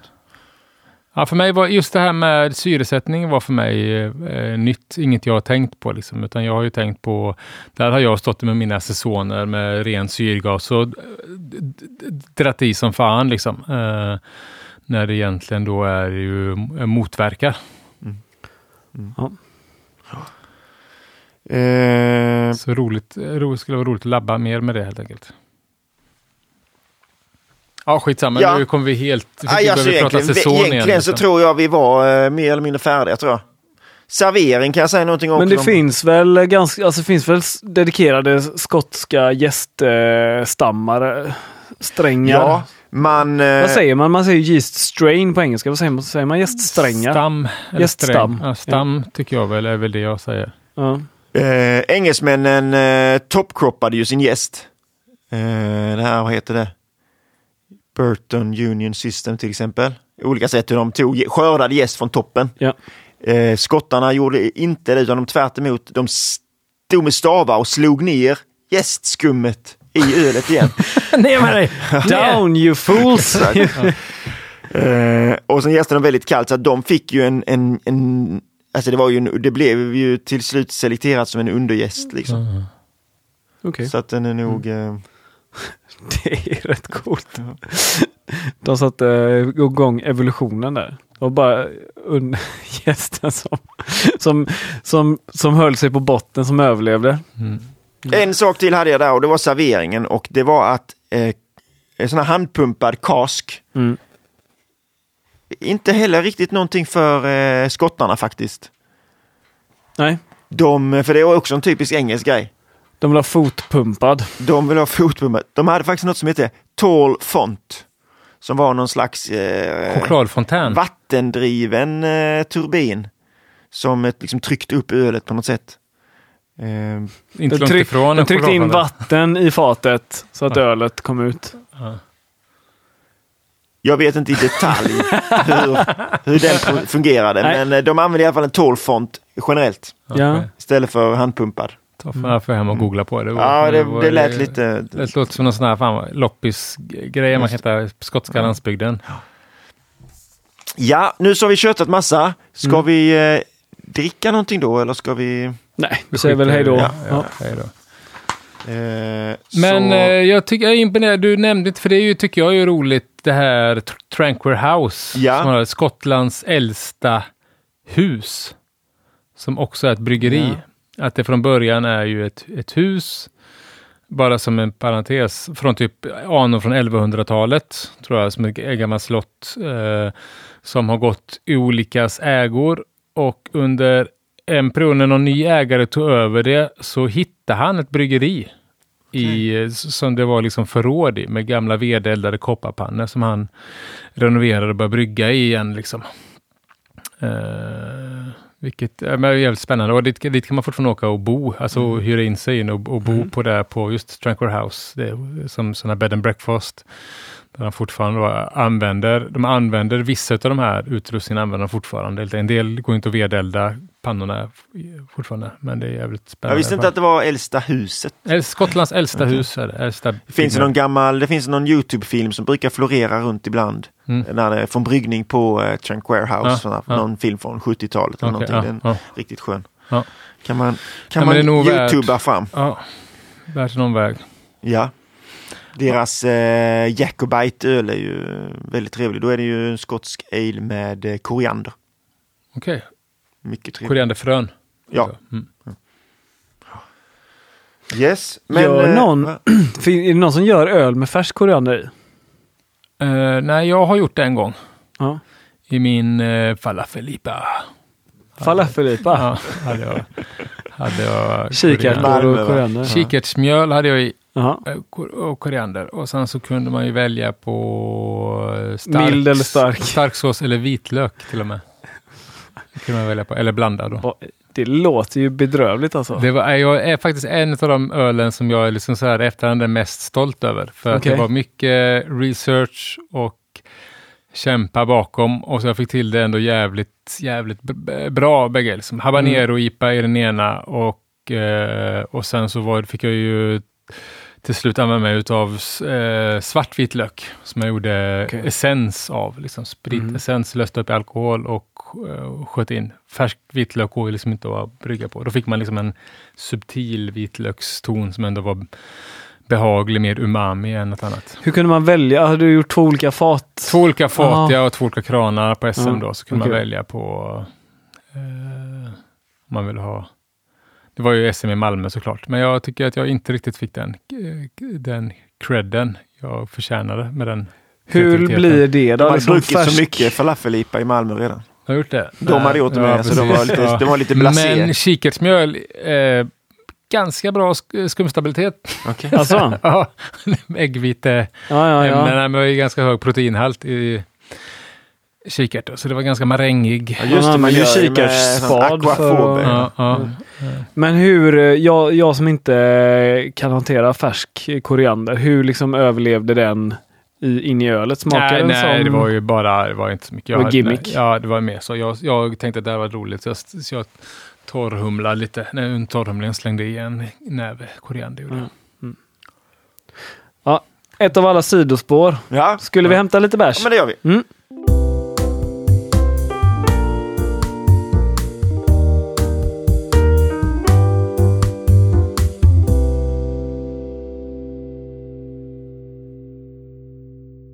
Oj, oj, oj! Det är många öl idag du. Svinmånga ja, öl. Har du bryggt alla dem Simon? Nej, Vad du inte. är duktig. Fem stycken. Ja. Jag hade till och med fem? en till.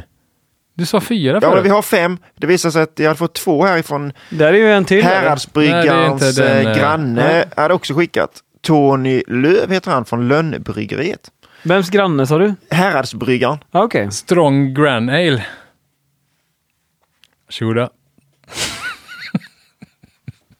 Va? jag slängde in ett litet roligt namn där. Strong... Strong... Grann Ale istället för Strong Scotch Ale. Grannen är väldigt stark också. Så ja. Heter det Strong Scotch Ale då? På engelska ja. Ja, ja. Nej, jag har ingen aning. Eh, eh, vi har fem stycken. Fan vad dåligt det var. Det var, det var faktiskt... Varsågoda. varsågoda. Man vet att skämt är bra när man fortfarande inte fattar efter att Precis. skämtaren har förklarat. Ja. Hur eh, ska vi ta de här nu då? Jag... Ska vi ta dem en och en eller? Vi ställer väl dig och mig mot varandra eller? Och mot Det måste inte vara en tävling. Nej, nej. Okej. Okay. Men det kan vi väl göra. Nej men vi ska vi börja med den här. Vi tar den här först. Eh, det vet du vem det är? Det är ju nog ett, eh, ett par snubbar i Vänersborg, va? Lilla Paris. André Peters, va? Ja, just det. Och eh, jag vet inte vad de andra heter. Men, eh, men de eh, Kassaretorpets brygghus. Precis. What's under my kilt? If I'm having a good day. Lipstick. Nej, det, jag, jag fattade inte det först. Men eh, sen fattade jag. Mm. Och då ångrar jag att jag skrattade. Det är Simon han försöker vara woke. Ja. Exakt. Ja. Fast det, det lyser igenom. Ja. Scottish strong ale. Bra. Ska vi ta och eh, vi Hoppa den. Tjoffeli-tjoff. Har du fått någon info eller ingredienser? Nej, nej eller? jag tänkte att du hade fått det här, men... eh, Färgen ser ju trevlig ut. Rödbrun. mm. Klar och fin. Ja, klar och fin. Eh, skummet försvann ganska snabbt i mitt glas i alla fall. En liten lätt rostad eh, ton i doften. Också karamell och fudge. Känns bra. Bra doft. Ja, men du måste leta upp receptet. Jag vill ju höra vad han haft i. Ganska hyfsat lätt. Ja, men ja, fan. Ja, var riktigt bra var det. Ja. Det är inte André Peters? Jo, eller? jo. Ska jag läsa? Ja, Ja. du hittade det alltså. Mm. Ehm, då är receptet som följer. Ska vi se här om det står någonting om hur stor batch det är.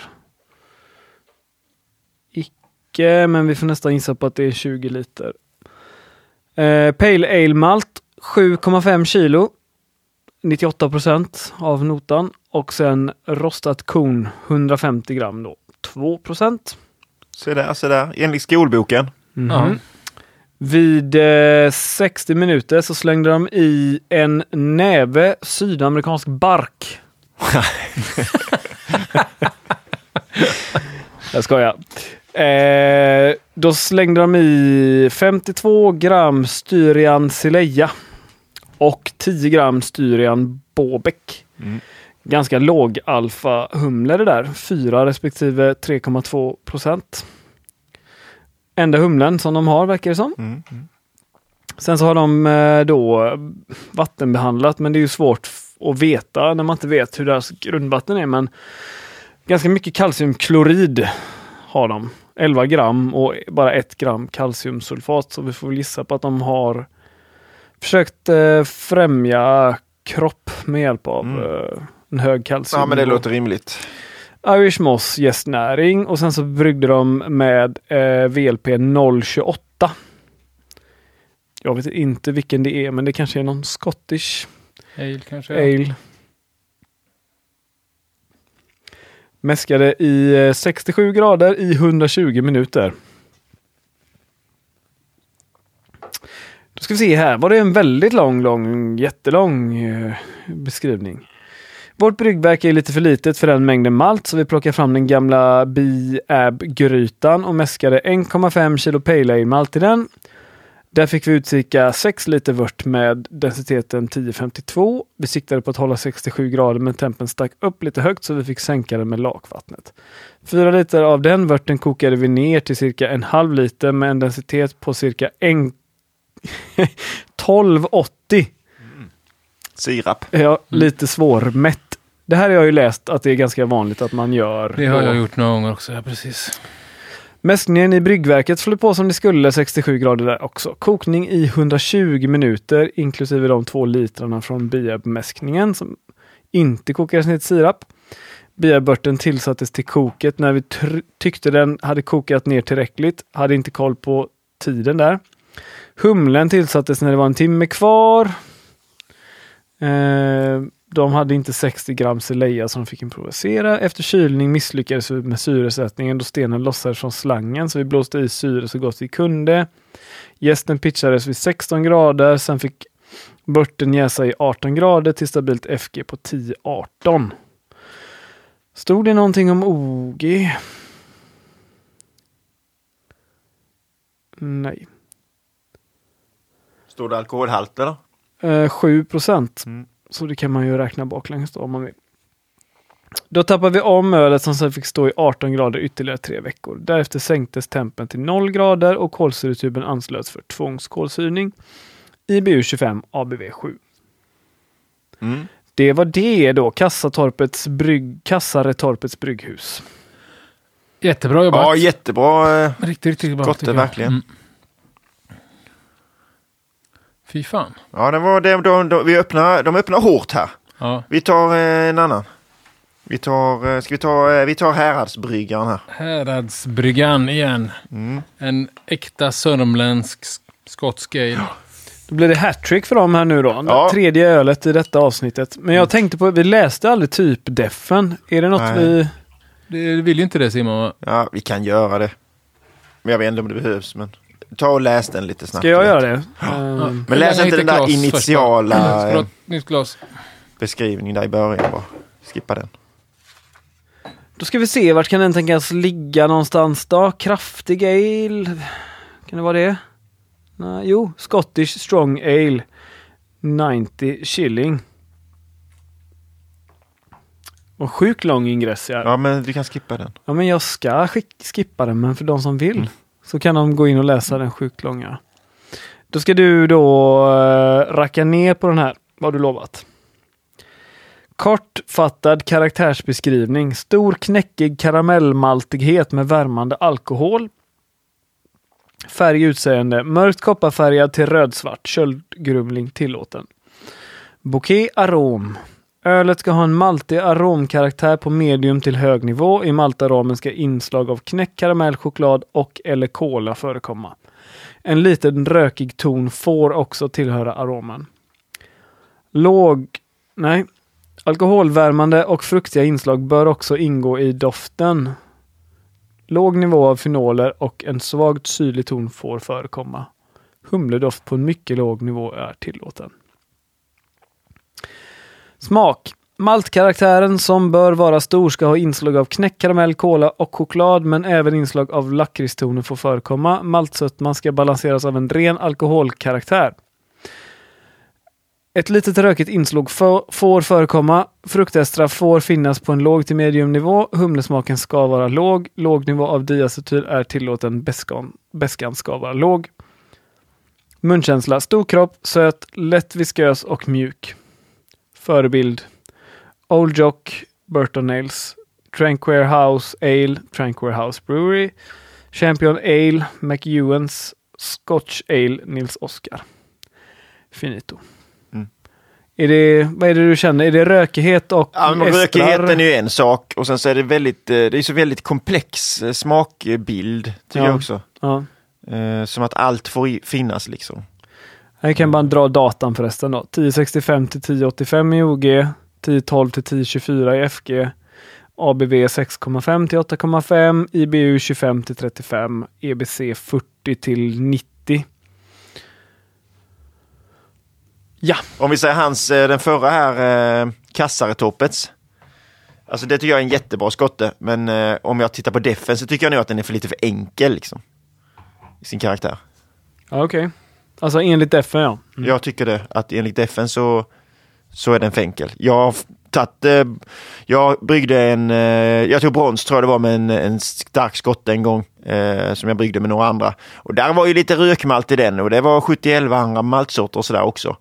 Uh, I mitt tycke inte en bättre skotte, men visst, den, jag tycker nog att den passar bättre på defen. Den här då? Mm, den här upplevde jag väldigt mycket torrare den här. Doftade lite lösningsmedel. Ja, den doftar ju inte rätt Lite alkohol. Mm. Och syrlig också. Mm, det fick den ju vara. Och tapp, tappat lite kropp kanske, men, men mycket, nog mm. mer problem med liksom lösningsmedel. lösningsmedel och lite liksom nästan bränd elkabel, ja. alltså lite rök... Fenoler. Plastfenoler liksom. Så inte så ren som en skotte bör vara helt enkelt, Nej. utan problem med jäsningen. Den är också mer än bara köldgrumling mm. skulle jag säga om vi pratar... Han har en flaskjäst också. Jo, men han, både hur... pilsnen och dubbellipan var förhållandevis blanka mm, jämfört med den här. Men det... Och den här är nästan, nästan för ljus. Ja. Den är kanske inom defen. Ja. Nej, men lite, eh, se, se malten har använt 35 Pale Ale malt, 28% Cara Red. Det är lite karamellmält där kan man säga. Ja, får man säga. 28 procent. Mm. 28 procent Vienna. 7 procent eh, vetemalt. Eh, 1,4 procent Cararoma. Eh, den där eh, Cara Red där hade jag ju kunnat eh, plocka bort där gärna. Yes, men framförallt så är det någonting kring jäsning där som inte är helt... Uh, inte helt nej, inte så ren, nej, nej, inte så ren som sig bör. Nej. Vad, vad stod några data på den eller? Uh, OG 1081, FG 1021. Du tänker på uh, avsaknad av kropp eller? Ja, dels det, men alltså, jag bara funderar på liksom i och med att för han hade ju inte temperaturstyrd jäsning skrev han ju. Nej. Men å andra sidan, han gjorde en dubbel-IPA. Den hade ju inga direkta bismaker. Nej, men den var ju också, den här har ju tapp, den här är ju, känns ju också kanske lite oxidationsskadad liksom. Jag vet, ja, jag vet inte, jag tycker mer med jäsningen. Ja, han har haft liksom. S04 då, Fermentis S04 jäst i 20 grader. Har han då inte temperaturstyrt den så är det risk att den är uppe på 22 och sådär. Och det skulle jag säga att S04 inte trivs i. Ja. Ja, nej men uh, nästa Men det står ju här, alltså ölet är sött, maltigt och har en smak av vanilj från ek. Det kände jag nu när jag läste det. Ja, det är jättemycket ek. Det är jättemycket ek. och Glenfiddich IPA whisky. Okej. Okay. Ja, men de gjorde nog någon whisky som lagades på IPA-fat eller något sånt där. Kan okay. det vara den? Men eh, när du säger det så, eh, ja, då får man tänka om lite grann. Mm. För whiskytonerna är ju väldigt tydliga. Ja, det kanske var det. Mm. Ja, eken är tydlig nu. Mm. Ja. Ja, det kanske inte var det kanske inte var lika mycket Nej, det var inte så dåligt som jag trodde då, men eh, jag, tycker, jag tycker att whiskyn slår igenom vi kan, äh, för vi kan säga att vi, inte, vi tyckte inte det var så gott, men det kanske är en smaksak då. Ja. Men vi, vi, hade också, det, är så här, det kan vara så jävla skillnad på vad man förväntar sig att dricka och vad man får dricka. Ja, som avgör om man tycker det smakar bra eller mm. inte. Så jo, det kanske... Ja. Verkligen. Mm. Mm. Stod det inget om det i receptet eller? Eh, jo då, men det står så, eh, jag har ja, svårt för att läsa, läsa sådana här scheman med mm. så mycket text. Men där står eh, Oak Chips 15 gram och sen 100 eh, milliliter skotsk single malt whisky. Två tredjedels centiliter per liter. Mm. Mm. Ja. Ja, ja, ja. Vi tar nästa. Mm. Ska vi ta hans eh, polare här då? Jajamän, Tony Lööf. Aj, aj, aj, Oj, det är lite... Det blev lite jag blött går och hämtar, på... Jag går och hämtar papper. Lite blött på Magnus och lite blött på bordet. Fortsätter den att stiga lite eller? Ja, det gör det. Ja, jag häller upp här. Jag häller upp.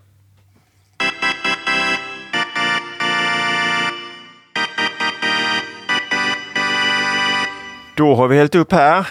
Väldigt lik färg mot den förra. Eh,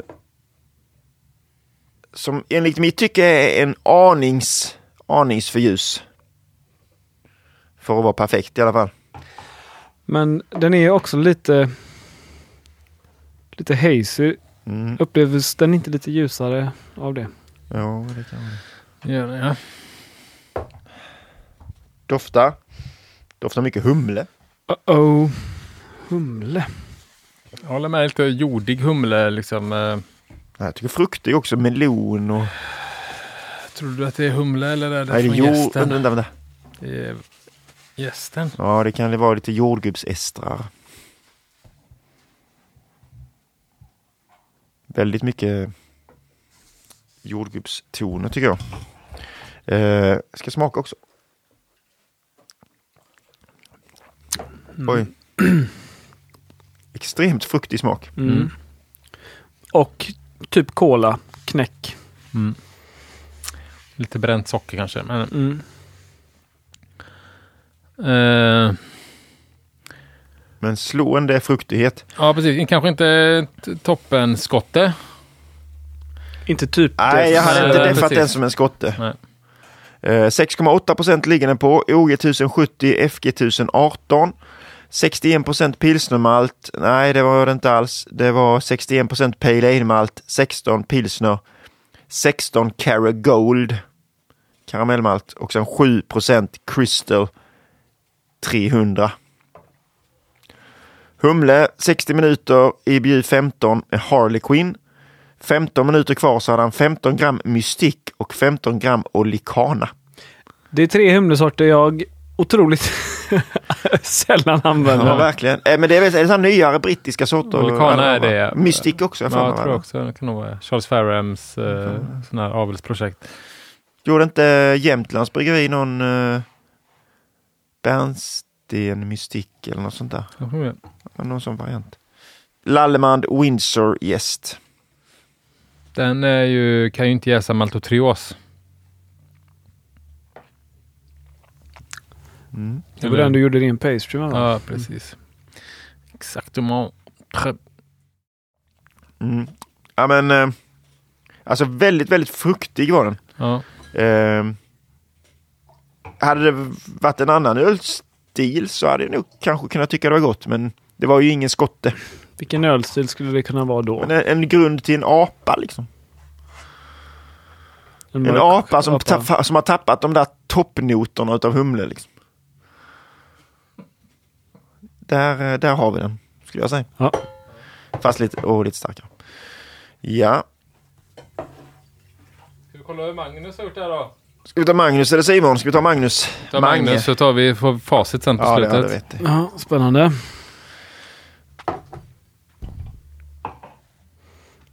Akta nu så den inte gashar. Jag? oj, oj, oj, oj, oj. Akta, akta, akta, akta micken. Käften på er.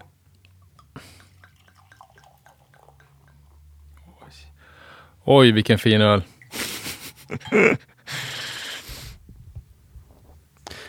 ja, den var eh, ganska fin. Det blir ganska ljust i de här glasen som vi har här. Får jag kolla på din kupa där Magnus?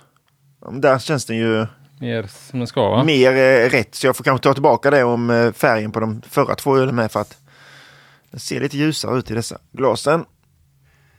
Doftar lite gräsig, blommig humle sådär. Alltså gräsligt? Nej. Eh, ingen eh, direkt, mm, doftar inte mycket malt. Inget rostat. Nej. Smaka. Smakar lite godis alltså. Smakar godis tycker jag. Lite syrlig också. Ja, lite syrlig, ja precis mm. ja. Och det tror jag vet vad det beror på. Vad kan det bero på då? Nej, jag gjorde också, jag har ju kört eh, komplex maltbas. Okej. Okay. Och sen har jag ju kokat den också. De här eh, kokat ner till det som sirap och där tror jag brände höll på. Du vet, koka för mycket och för hårt. Och sen dunkar jag i det tillbaka i. När jag har gjort eh, såna, sån sirap mm. så har min erfarenhet varit att jag fått väldigt högt eh, FG. Var det något du märkte? Okay. Nej, ja, 10-25. Mm. 20 från 10-80 tror jag. Jag vet inte exakt vad det är som eh, händer med sockerarterna i det koket där men, Nej. men min upplevelse är att det, det ändrar sig till att bli ja. högre. Ja, det är lite, kanske lite, lite choklad på slutet men det är inte en, det är lite mer kanske torkad frukt liksom. Ja. Det är ingen, är ingen höjdarbärs nu när jag dricker den så här. Tycker jag inte. Uh... Det är inte den bästa ölen du har bryggt. Nej, det är det inte. Jag tror fan att det är den snyggaste hittills. Otroligt bra skum alltså. Mm. Ja, men stilpoängen kan du få utseendemässigt. Ja, vill ni veta vad jag kastar i eller? Ja, men mm. dra en liten snabbis där. Eh. Kassaretorpets öl leder ju hittills. Ja. ja. Det var här en, var ju då uh, uh, Münich, Munich Malt och Majrisotter. Uh, 40% av varje. Eh, sen är det ju Honeymalt 6% Light Crystal 6 eh, Vete 4% och brunmalt 3 Inget rostat korn? Nej, brunmalt istället kör jag. Mm, mm. Hur mycket är brunmalt? 3 mm. Det ger ju ingen färg alls i princip. Och sen soja. Nej, och sen så hade jag ett OG på då 1080 1025 gäst. Eh, Magnum 7 gram i 60 minuter. Till 30 bu ungefär. Eh, och sen eh, så jäste jag med den här AIB. Mm. Eh, AI4. Precis mm. ja, som är US05. Deras US05. Tycker du att den jäser som en US 05? Typ. Jag har ju bara använt den eh, en gång hittills. Mm. Men det gjorde den. Den var snabbare tyckte jag än, eh, alltså? än US 05. Ja. Jag eh, bryggde en dubbel-IPA och en IPA. Jag gjorde en dubbel-IPA och en IPA samma dag. Ja. Och eh, använde den gästen ja. på, en, på ena. Och så använde jag den här Lallemans Verdant. Det är Lalleman som gör Verdant Ja, ja. på den andra. Mm. Och den andra gäst ut på tre dagar men den här AI4 tog Okej. typ tio dagar. Ja. Det var, ju alltså det var ju typ från samma, alltså det var som en splitbatch jag gjorde bara att jag drog i mer socker i den här dubbellipan. Ja. Så jag kände mig lite rädd för den. Och sen så gjorde jag typ en liknande grej med deras lager, eh, alltså typ deras 3470 Fermolager W. Ja. Där jag hade en eh, ett lager, alltså i samma jäs i samma kylskåp. Mm. Så hade jag en som jag jäste med den och en som jag jäste med Fermentis 3470. Mm. Två olika öl eh, Mm. i och för sig. Men det var samma grej där. Att den var jättemycket långsammare för Mm. mig. Vet inte varför. Så jag Nej, blev lite rädd för det här nu. För Hur, det hur blev ölen då? Ja, nej, jag har inte haft problem. Jäs, eh, när jag jäste den här skotten så var jag mer tvärtom. Den börjar ju jäsa... eh, Jag pitchade jäst på eftermiddagen och jag hade aktiv jäsning efter fyra timmar tror jag. Så, Det är sjukt snabbt med torrjäst alltså. Ja, det var Det kan ju ta ett dygn. eh. Ja, och sen, och den, den sen tog jag på precis som vanligt. Så jag hade inget konstigt där. Nej. Och fermolagen har jag inte heller, har jag jäst en gång med. Mm. Och blev väldigt nöjd med. Alltså det har inte varit något fel på smaken så. Nej, nej, men, Men, samma eh, med jäsningen, den var också färdigjäst på en, en vecka. Jag Ja. färdigt min pilsner med. Ja, det tog ju 15 dagar eller någonting Ja. att nå slut, alltså att nå FG. Ja. Mm. Well well. Ja, ja. Vi har väl en öl kvar då? Ja. Japp. Facit.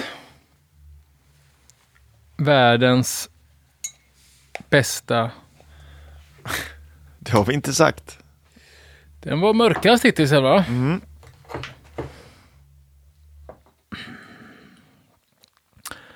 Det var också väldigt gott Simon, faktiskt var det. Med mycket torkad frukt, alltså katrinplommon åt det hållet. Mer, alltså från malten, inte, jag pratar inte från gästen utan... eh, Den är ett år gammal också. Ja. Eh, Okej. Utan... eh, Väldigt sånt söt. gillar inte du? Mm. Eh, jo då. Tycker den är väldigt söt. Ja, tycker du inte det? Nej, jag tycker inte den är väldigt söt. Men däremot så är det ganska mycket torkad frukt nu. Mm. Det har Ja. kommit nu. Mm. Eh, Det är det, men, väl, men väldigt gott. 98 procent eh, Münchnermalt, 2 procent rostat korn. Mhm. Okej. Eh, när jag slängde i eh, bittergivan så visade det sig att jag hade slängt i, jag hade en humlegiva till nämligen. Ja. Då hade jag slängt i fel giva. Oh my God. Men det här var ju den, det är samma du tog medalj med på SM förra året va? Tog jag medalj med, nej jag tog inte med Det var den inte med förra skott. året? Nej, men, Nej det var inte förra året Nej, nej. men eh, den var nog i final. Mm. Men jag tog ingen medalj med Okej, skotte. Eh, men det var den i alla fall. Mm. Vi hade den med på SM förra året men eh, jag tycker nog att den har tappat faktiskt. Eller jag, jag upplever, uppskattar inte de här torkad frukt så Nej. himla mycket. Men, eh, men eh, för jag tyckte att det var en, eh, jag tyckte att det var en kanonöl innan, nu tycker jag det var en okej. Ja, eh, jag måste ändå utse Kassar. Kassaretorpet till Ja. vinnare. jag också, Jag jag med, också. jag med. Jag med. Mm. Bra jobbat. Absolut. Mm. Mm. Eh, japp, då var det bara en sak kvar va? Namnen? The names. The names, har ni hittat på några då? Eh, nej, jag har Försökt. försökt här ja. Jag hade några här som jag har glömt bort här igen. Ska se om jag kan verka fram dem igen. Så jag börjar inte. Nej. Jag det första jag tänkte var att man skulle... Jag började googla på kända starka människor från Skottland. Mhm. Men det verkar inte finnas några. Sean Connery. Han är väl inte så jävla stark? Highland Games har de ju där. Måste finnas massor av skott Ja, ja, men inga kända. Nej, Nej. Men mest kända på Skottland bara. Så jag gick bet på den. Ja. Ja. ja, du brukar väl nästan alltid ha personer va? I dina namn? Det vet jag inte. Brukar jag det? Men jag Mm. tror det. Nej, ganska ofta tror jag att det brukar. Bygger upp storyn kring det liksom. Ja, det kanske jag kan Mm. göra. Jag var ju lite inne på... eh, Jag försökte göra det på eh, några personer. Ja. Men det blev fan inte bra. Nej. Eh, Jag gav upp. Men så här, Alexander Fleming, han var därifrån. Han upp, upptäckte penicillinet. Jag försökte komma på något med det, men det blev inte bra. Så jag har inga personer, nej. Tyckte ni det var lätt? Nej, nej jag tyckte det var svårt. Även om man hade, alltså jag utgick ju från alla de här 90 shilling, We Heavy. Jag tänkte, jag öppnade aldrig ens shilling eh, dörren liksom. Nej. Du har gjort det? Ja, mm. på glänt. Ja. ja. Jag, jag borde stänga den igen. Ja, ja. ja. Men alltså jag blev mest på, det var enklast och på We Heavy kände jag. Ja, Okej, okay. ja. Ja, vi känner, man, känner att, man känner att det finns en viss ångest i rummet just nu. det är Men, liksom ingen som vill... Det är, ingen, det är, ehm. ingen som står upp och hoppar och skuttar och bara vill dra sina namn. Ja, men jag Viss... kan börja med en då. Ja. ja. Om man gör en sån här eh, öl och har barr i, då kan man kalla det för granskotten. Ja, det är Just det. ja, men det var ju bra faktiskt. Tack, tack, ja, tack. Ja. men, ja, Om det är granbarr då. Ja, ja, ja, visst. Ja, ja men... Uh... Men... Eh, tack, tack. tack. Ja, den är jättebra. Verkligen. Super. Eh, ska jag dra en här då? Eh, om man har gjort en, den mest ironiska skotten då? Mm. Ja, jag, jag, kanske vet, men ja, du låt... Ja, Killing... Killinggänget. men eh, det var kanske lite självmål va? Lite öppet mål säger man. Ja. Men eh, Nej, jag gillar att du är med. Jag att du är med. Vi ska uppmuntra mm. Magnus när han är med. Mm. Eh, om man... Nu funderar jag här så det knakar. Eh,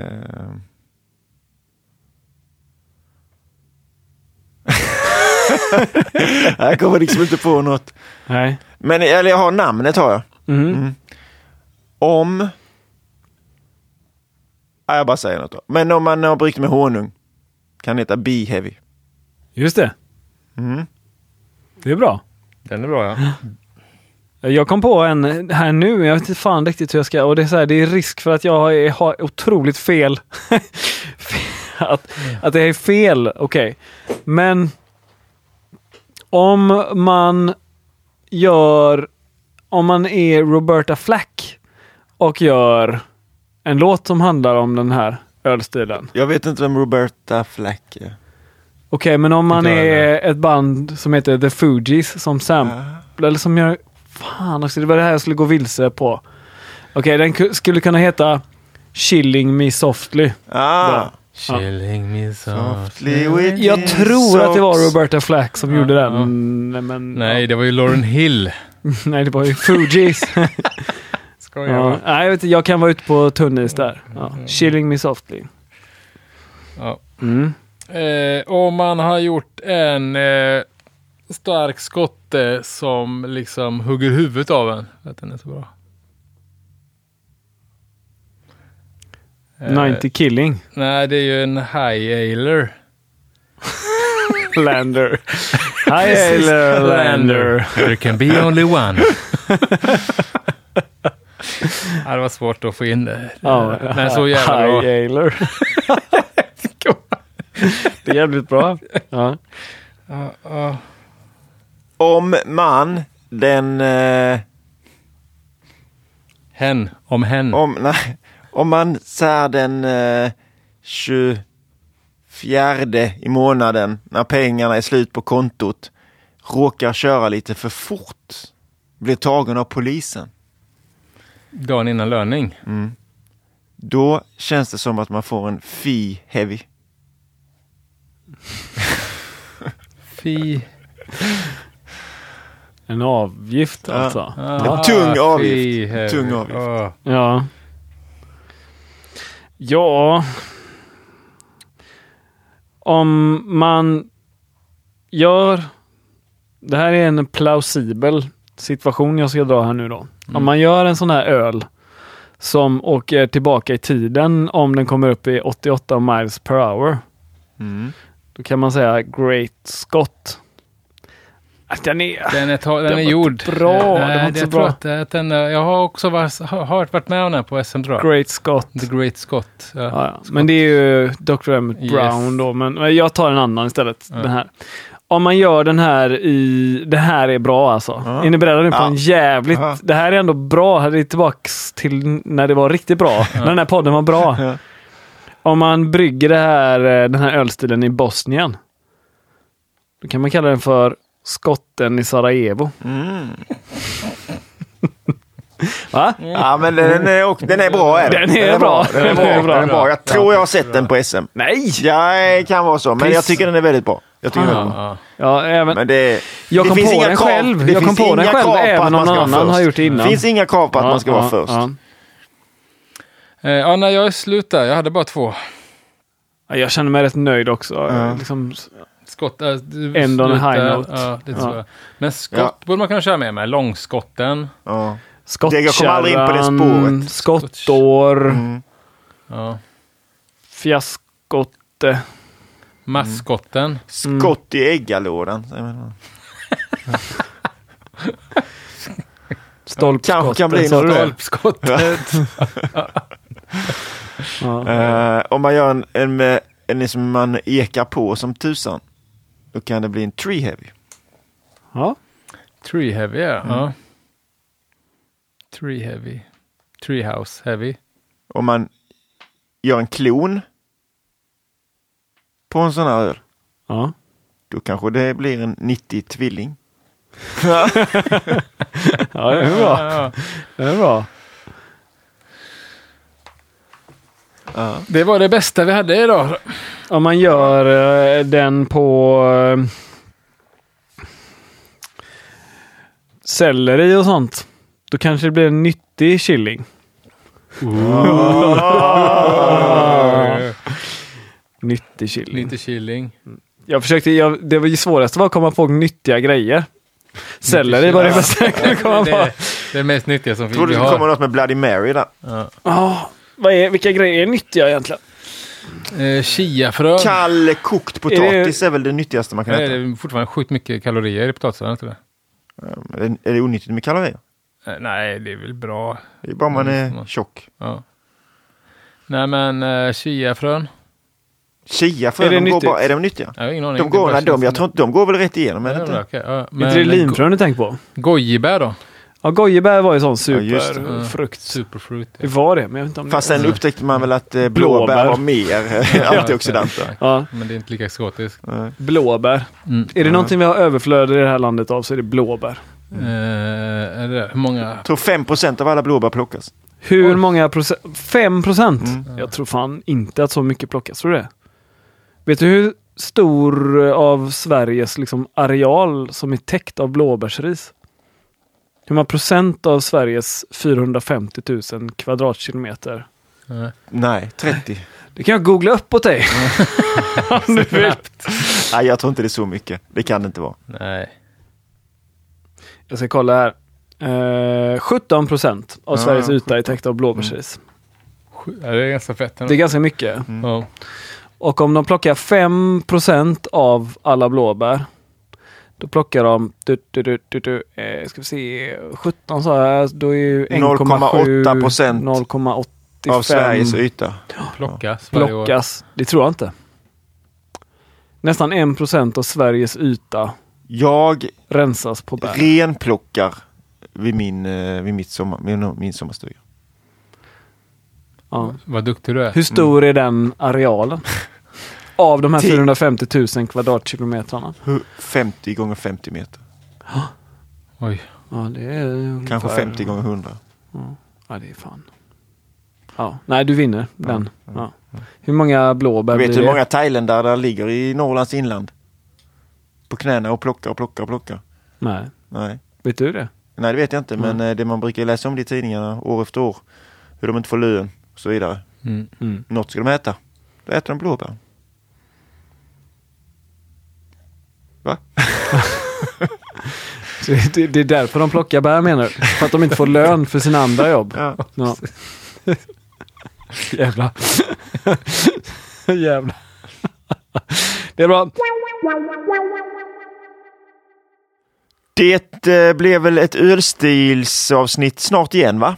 Om fyra veckor blir det eh, ett ölstilsavsnitt. Ja, och det är du som ska hålla i det. Ja. Och då är vi ju nyfikna att få veta vad, vad det kommer handla om. Jag börjar liksom få slut på ölstilar som jag kan så att jag väljer något jag inte har någon aning om hur okay. man brygger. Utmanar mig själv igen, för jag har gjort det innan. Mm. Så det blir porter. Porter porter? porter. Ja, jag har ju ja. pratat Imperial Porter tidigare, men nu blir det vanlig jävla porter. Ja. Det finns ju brunporter också om mm. man kollar i typdeffarna. Precis, men, men det, här är den, som är, porter, det här är den som heter Porter. Porter, okej. Okay. Mm. Typ 6 procent. 5,5. Ja, 5. 5 till 6. ja. ja. Mm. Gott. Så att Men, om någon vill... Kommer du eh, svara på den stora livsfrågan då? Vad är det för skillnad på Porter och Stout? Nej. Nej. Det avsnittet väntar vi ännu längre med. Däremot kommer jag alldeles strax svara på frågan om det är okej att skicka in Porter. Mm. Ja. Och då är svaret ja. Det är, bara att höra av sig om man har bryggt en Porter som man vill ha med. Ja. Mm. Och då ska man göra det innan... Om, om man har bryggt en Stout. Mm. Ja, då, då får man inte skicka in. Släpp det Magnus! ja. Släpp det! Innan 15 april eh, ja. borde det väl bli ungefär. 15. Jajamän. Mm. Mm. Det är bra. Hem och brygg. Mm. Vad händer om två veckor då? Eh, då är det ju återigen det här, då har vi bryggt öl på den här eh, tyska humlen vi fick ifrån Finest då. Eh, och deras humleleverantör HVG i Tyskland då. Alltså eh, modern humle odlad i Tyskland som vi ska ha försökt brygga en modern ölstil med helt enkelt. Just det. Så då ska vi prata lite om det eh, och se om vi har lyckats, om vi har om vi är något på spåret liksom. Mm. Det är tanken. Det ska spännande att se vad ni har bryggt i avsnittet. Vilken ölstil det blev och sådär. Tycker jag. Jag ska inte säga något. Nej, inte får säga. Inga spoilers här. Mm. Har vi till och med kanske uppfunnit en ny ölstil? Kanske. Kanske. kanske. kanske. Jag tycker att jag har gjort det. Men, har du gjort det också? Jag har också uppfunnit mm. en ny. Ja, min är också ny. Ja. Eller ny och ny. Det var tredje gången jag bryggde den. Men... Oj, oj då. Oj, oj. Nej, det här är nog världshistoriens första skulle jag vilja säga. Mm. Oj jävlar. Helt unik. Jag har bara gått i upptrampade fotspår jag. Sparkat in öppna dörrar. Ja. Okay. Så det är ju jag som är unik. Det är att, det verkligen. För att ingen av er har gjort det. nej, nej, nej. ja. men vi säger så då. Gör vi. Gör vi. Halleluja!